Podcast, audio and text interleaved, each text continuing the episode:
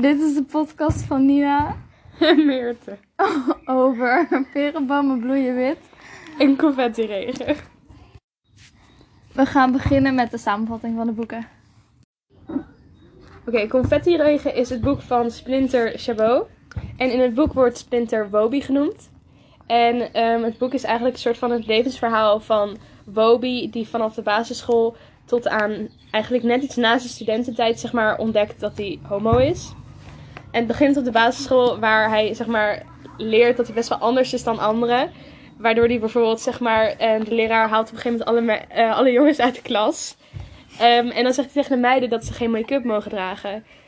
Waar Splinter eigenlijk voor het eerst kennis maakt met het feit dat er dingen van hem worden verwacht. En dat hij bijvoorbeeld geen make-up zou mogen dragen, wat hij thuis wel deed.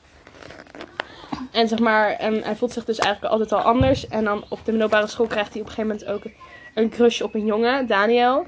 En begint hij zich heel oncomfortabel te voelen om te gimmen.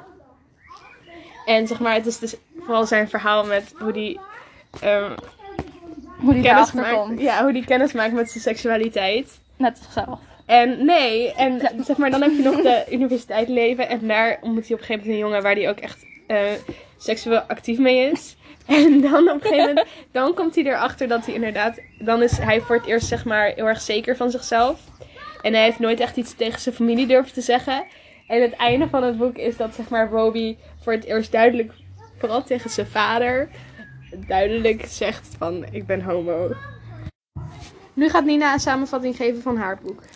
Perenbomen bloeien wit is geschreven door Gerbrand Bakker. Het gaat over Gerson en zijn broers Kees en Klaas. Die zijn een tweeling. En hun va- vader Gerard. Hun moeder is er vandoor gegaan met een Italiaanse man. Dus die komt niet echt voor in het boek. Heel het gezin komt in een ongeluk. En eh, Kees of Klaas, een van de twee, die had alleen maar een gebroken arm. En verder was iedereen op zich wel prima. Alleen Gerson, die lag eerst in een coma voor wel een week of zo. En toen werd hij wakker, maar toen was hij blind. En aan het einde van het boek gingen, ze, gingen de kinderen gingen logeren bij een opa en oma. En die wonen aan een meer. En voor het eerst in tijden deed Gerson eigenlijk weer een beetje normaal. Want het is al wel een paar maanden na het ongeluk. En eh, Kees en Klaas vonden dat een beetje raar. Maar waren van, oké, oké, fijn, hij doet weer normaal. En toen op een avond, toen was het aan het onweren. En ehm, Gerson vroeg van, ja, is er, is er bliksem? En dus Kees en Klaas was van, ja, ja, want dat kon hij niet zien. Hij kon niet zien of er wolken waren.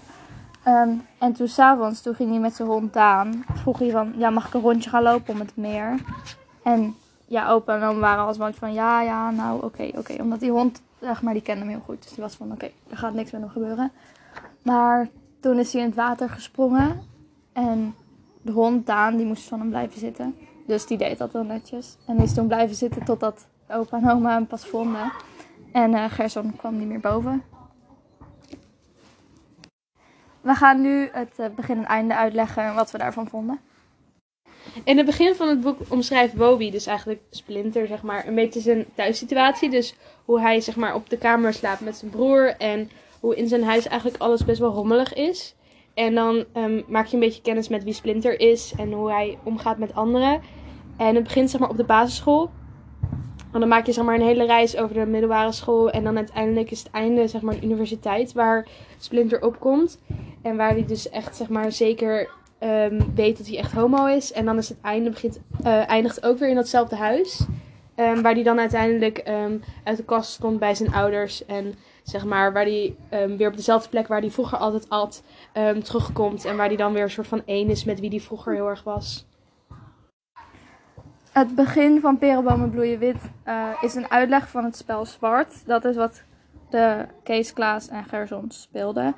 En dan gingen ze op een bepaalde plek staan. En dan noemde één iemand een eh, object of iemand. Dus bijvoorbeeld de vader of een regenton of whatever. En dan moesten ze daar moesten ze hun ogen dicht doen. En dan wie het eerste blind naar dat object of iets kon, eh, die had gewonnen. En als ze per ogen open deden, dan moesten ze opnieuw. En dat is het begin. En het eindigt met dat Kees en Klaas, die zaten samen op de bank met hun vader. En ehm, die waren aan het denken van, hun hadden al besproken, hun dachten dat het zelfmoord was van Gerson. Maar daar durfde het nog niet met hun vader over te hebben. Dus de laatste zin is dat ze het daar later met hem over zouden hebben. Nu gaan we uitleggen waarom de boeken heten zoals ze heten. De naam confetti-regen stamt af van eh, de LHBTQ community. Eh, want confetti-regen heeft natuurlijk ook zeg maar, een soort van regenboog. Dus ik denk dat dat zeg maar, ehm, wel met elkaar te maken heeft. Waarom die confetti-regen heeft gekozen. En daarnaast elke keer als Splinter zeg maar, ehm, eh, heel veel gedachten tegelijk heeft. Of bijvoorbeeld ehm, ehm, iets heel interessant vindt. Dan noemde hij dat altijd confetti-regen van binnen. Ehm, in het boek is dat meerdere keren voorbij gekomen. Dus ik denk dat confetti-regen een beetje een soort van de homoheid in hem moet voorstellen. en dat hij zeg maar eh, over het boek ehm, een beetje naar voren komt. Eh, de naam Perenbomen bloeien wit komt van dat eh, voor het ongeluk en toen ze in de auto zaten, toen zei Gerson dat de perenbomen aan het bloeien waren. Maar toen vroeg Klaas van, ja, hoe weet je dat het perenbomen waren? En toen zei hij van, ja, omdat ze wit bloeien. Maar de rest geloofde Gerson niet. En ehm, toen raakte ze in het ongeluk, dus ze kon het gesprek niet echt afmaken. En toen Gerson wakker werd uit zijn coma, was het eerste wat hij zei: perenbomen bloeien wit. We gaan het nu hebben over het vertelperspectief. Het vertelperspectief in het boek is de ik-vorm. ehm, wat best wel logisch is, omdat het Splinter eigenlijk over zijn eigen leven helemaal vertelt. Dus elk ander perspectief zou een beetje onwennig voelen. En omdat Splinter ook vooral... ehm, er gebeuren niet zo heel veel ehm, grote dingen in het boek. Maar het gaat vooral over wat Splinter van dingen denkt en hoe hij zich voelt en zo.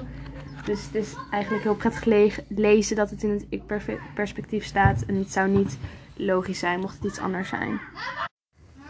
Het vertelperspectief van Perenbomen bloeien wit begint met Kees. En dat wisselt steeds een beetje af tussen Kees en Klaas. En wanneer Gerson in een coma ligt, dan kan hij... Hij kan niet bewegen, maar wel nadenken. Dus dan is het vanuit perspectief van, perspectief van Gerson. Dan is het steeds weer Kees en Klaas. En als ze bij hun opa en oma zijn en Gerson gaat dat rondje lopen... dan is het uit perspectief van zijn hond Taan. Dus dat is... Ik vind dat het heel bijzonder is dat het steeds zo anders is. Ik vond het eigenlijk wel grappig. Ik vond het heel origineel. Bedankt voor het luisteren. Ik hoop dat u het leuk vond.